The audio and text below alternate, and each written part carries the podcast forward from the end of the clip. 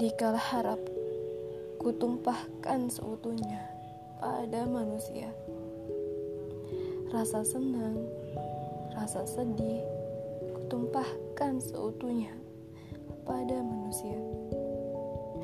Dikala itulah Allah cemburu pada hambanya.